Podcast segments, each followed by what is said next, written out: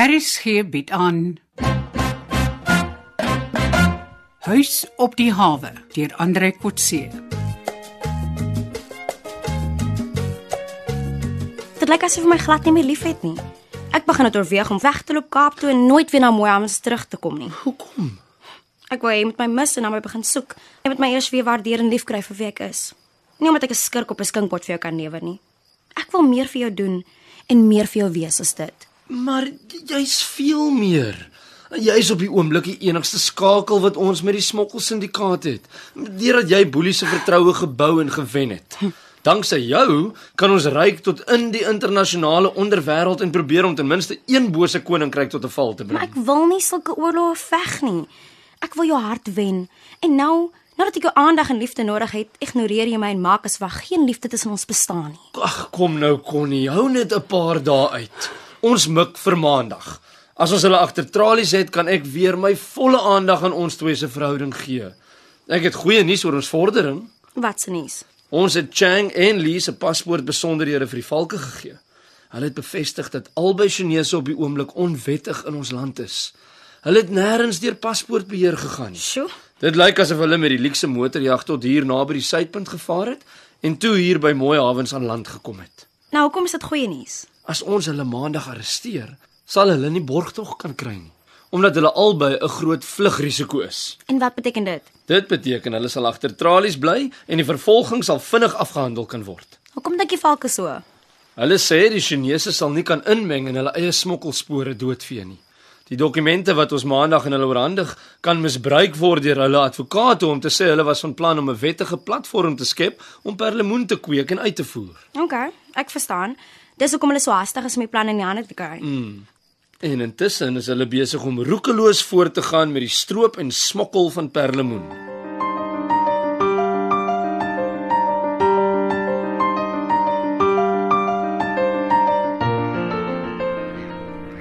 Maar sy kan nie nou kop uittrek nie, Anton. Ek probeer dit vir haar sê, maar sy leef in 'n valse liefdesdroomwêreld. Sy dink nie meer logies nie. Ek sou dit nooit van Connie verwag het nie. Dit lyk asof haar kop uitgehak het toe ek begin het om aan haar bietjie liefde en aandag te gee. Nou dring sy net daarop aan om my dag en nag te sien. Ek weet dit is gevaarlik vir alles boelie dit agterkom, maar miskien moet jy maar daai rol speel en vir Connie vra om met jou te trou. Wat? Dit mag haar dalk paai tot maandag. Jy kan mos kop uittrek as die skurke klaar gearresteer is. Nooit nie, Tanya, nooit. Dis oneties en dit skep nog meer valse verwagtinge. Ek sal nooit so ver gaan nie. Ek moes haar al beloof dat ek haar volgende Dinsdag lughawe toe sal neem as sy weer oor see moet gaan vir haar werk. Anton, ryk jy ook 'n aaklige reuk? Wag, wag, ek maak net gou my kantoorvenster. Nee, gee- as mens dag en nag met vis en aas werk, ryk jy nie meer so maklik die hawe reuk nie. Ons is eintlik gelukkig. Ons hawe ryk nie gewoonlik sleg nie. Maar wag, Tanya, ek sien jou later. Ek moet nou gaan. Pauline, ryk jy ook daai aaklige reuk in en om die huis? Ja, mevrou. Ag. Ek het al van Nigel gevra waar die stank vandaan kom, maar hy werk aan die hawekant van die huis en ek dink dit kom van agter, hier van die boothuis se kant. Ek sal hom sê hy moet die oorsprong van die stank vir ons uitvind, dat ons kan kla of gaan skoonmaak. Maak so asseblief. Mevrou, die stank kom uit die boothuis uit.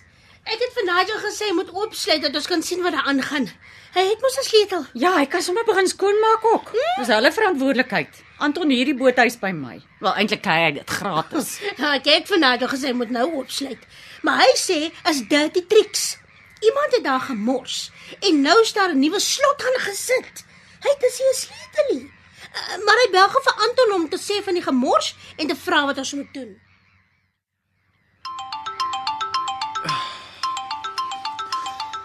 Hallo Anton, wat praat? Kaptein, hier is groot moeilikheid by die boothuis. Wat nou? Iemand het ons se boothuis se deur oopgekren, stinkende gemors daar binne gegooi. Vrot vis op binnegoed of ou aas. Almal klein is duidelik ons se boothuis. Dit was net ek en jy het 'n sleutel, so iemand het die slot geknip. Ja. Dis 'n vreemde nuwe slot wat hier aan is. Gaan hier so lank 'n slotknipper by die eysterware winkel en knip die slot af. OK. As die stankmakers dit kan doen, kan ons ook. Ek kom so lank na die huis toe.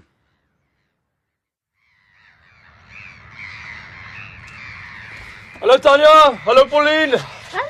Jammer, jammer. Hier is groot fout.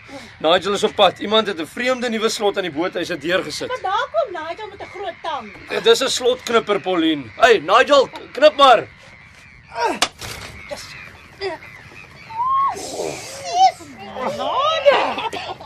Is alvis binne goed.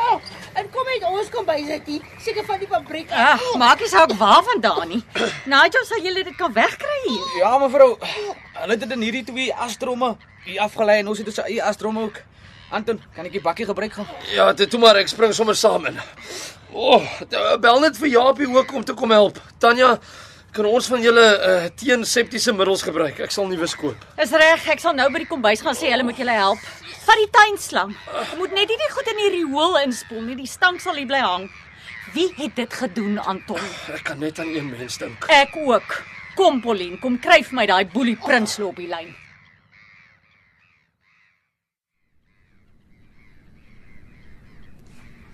Boelie, wat het ek gedoen om sulke lae optrede van jou te regverdig? Wat sou optrede Tanya? Ag, Boelie, jy weet, die klomp afval wat in my boothuis gestort is. O, oh, ek het gedink dit is Joubert se boothuis. Dit is my eiendom. En die stank het my huis en my gaste die ergste geïrriteer. Miskien moet jy die munisipaliteit gaan vra wie die klagte gelê oor my lastige voertuie wat oornag op Lee Erwe parkeer. Dalk is dit dieselfde persoon. Boelie, jy raak al meer onredelik. Dink jy dalk ek sal my eiendom aan jou verkoop omdat dit te veel stink? Ai, tog Tanya.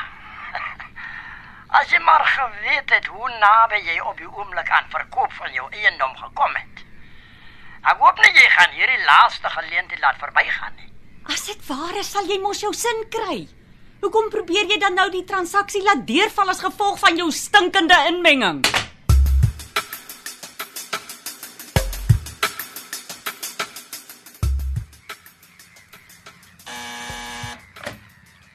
Ja, mevrou. Pauline, kry asseblief vir Anton op die lyn. Ek maak so.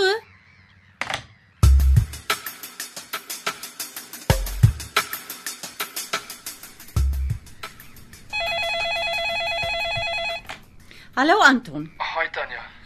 Anton, sal jy asseblief bewyse probeer vind dat dit boelie is wat die afval in die boothuis gestort het? Ek sal probeer Tanya, maar dit klink vir my asof ons nou 'n muisvalletjie probeer stel vir 'n leeu wat op die punt staan om in 'n leeuhok gevang te word. Wat bedoel jy?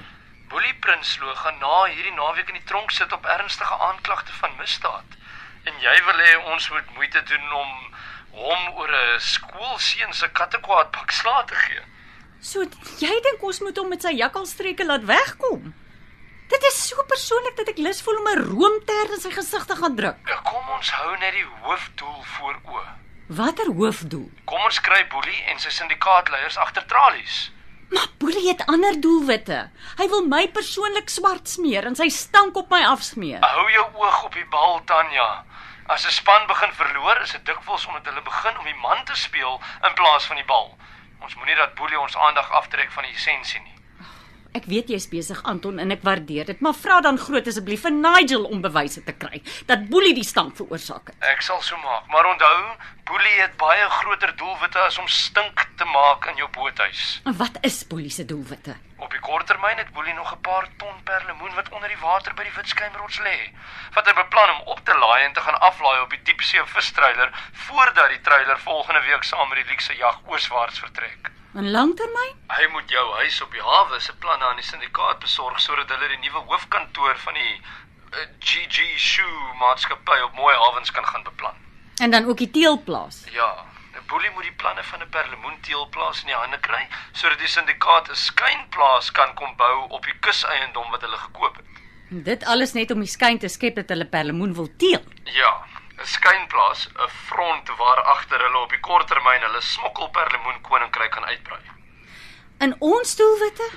Ons het nou uiteindelik jou huis se plan in jou kluis. Kom ons kry net die ander dokument. Rina se plan van die perlemoen teelplaas. Ja, ons uh, werk nog aan die saak. Die volgende stap is om die twee dokumente met ons twee dames op die luukse boot van die syndikaatleiers te kry. En dit alles net om die twee syndikaatleiers saam met Boelie op die see op dieselfde boot te kry. Presies. Waar almal op een dag op die see deur die regte owerhede saamgearresteer kan word om 'n einde aan al hulle misdade te kan maak. Maar wat van die stroopers? Die duikers wat die perlemoen so uitroei, hulle mag nie loskom nie. Soos Boelie dit op die oomblik beplan gaan hulle ook almal daardie dag saam na die Oriental Dragon geneem word. So hulle kan ook op daai dag gearresteer word. Ja. En dis hoekom ek vra dat ons nie onsself nou deur twee dromme vrot vis moet laat ontstel nie.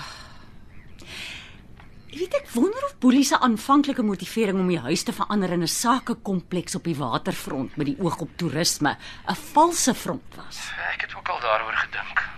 Het Boelie geweet die syndikaatleiers wou 'n maatskappy hoofkantoor hier inrig of het hy heimlik gehoop dit sou 'n toerisme sentrum word? Ja, oh, soos ek vir Boelie ken, wil hy die beste van twee wêrelde hê. Ja.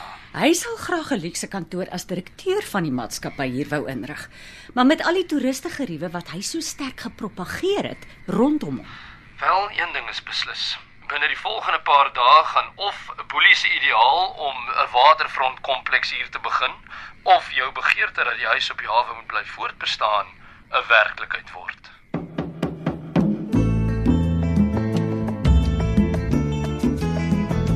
Uitgeluister na Huis op die hawe deur Andre Kotse. Die spelleiding is behartig deur Ronel Geldenhuys en die tegniese en akoestiese versorging is gedoen deur Cassie Lauers.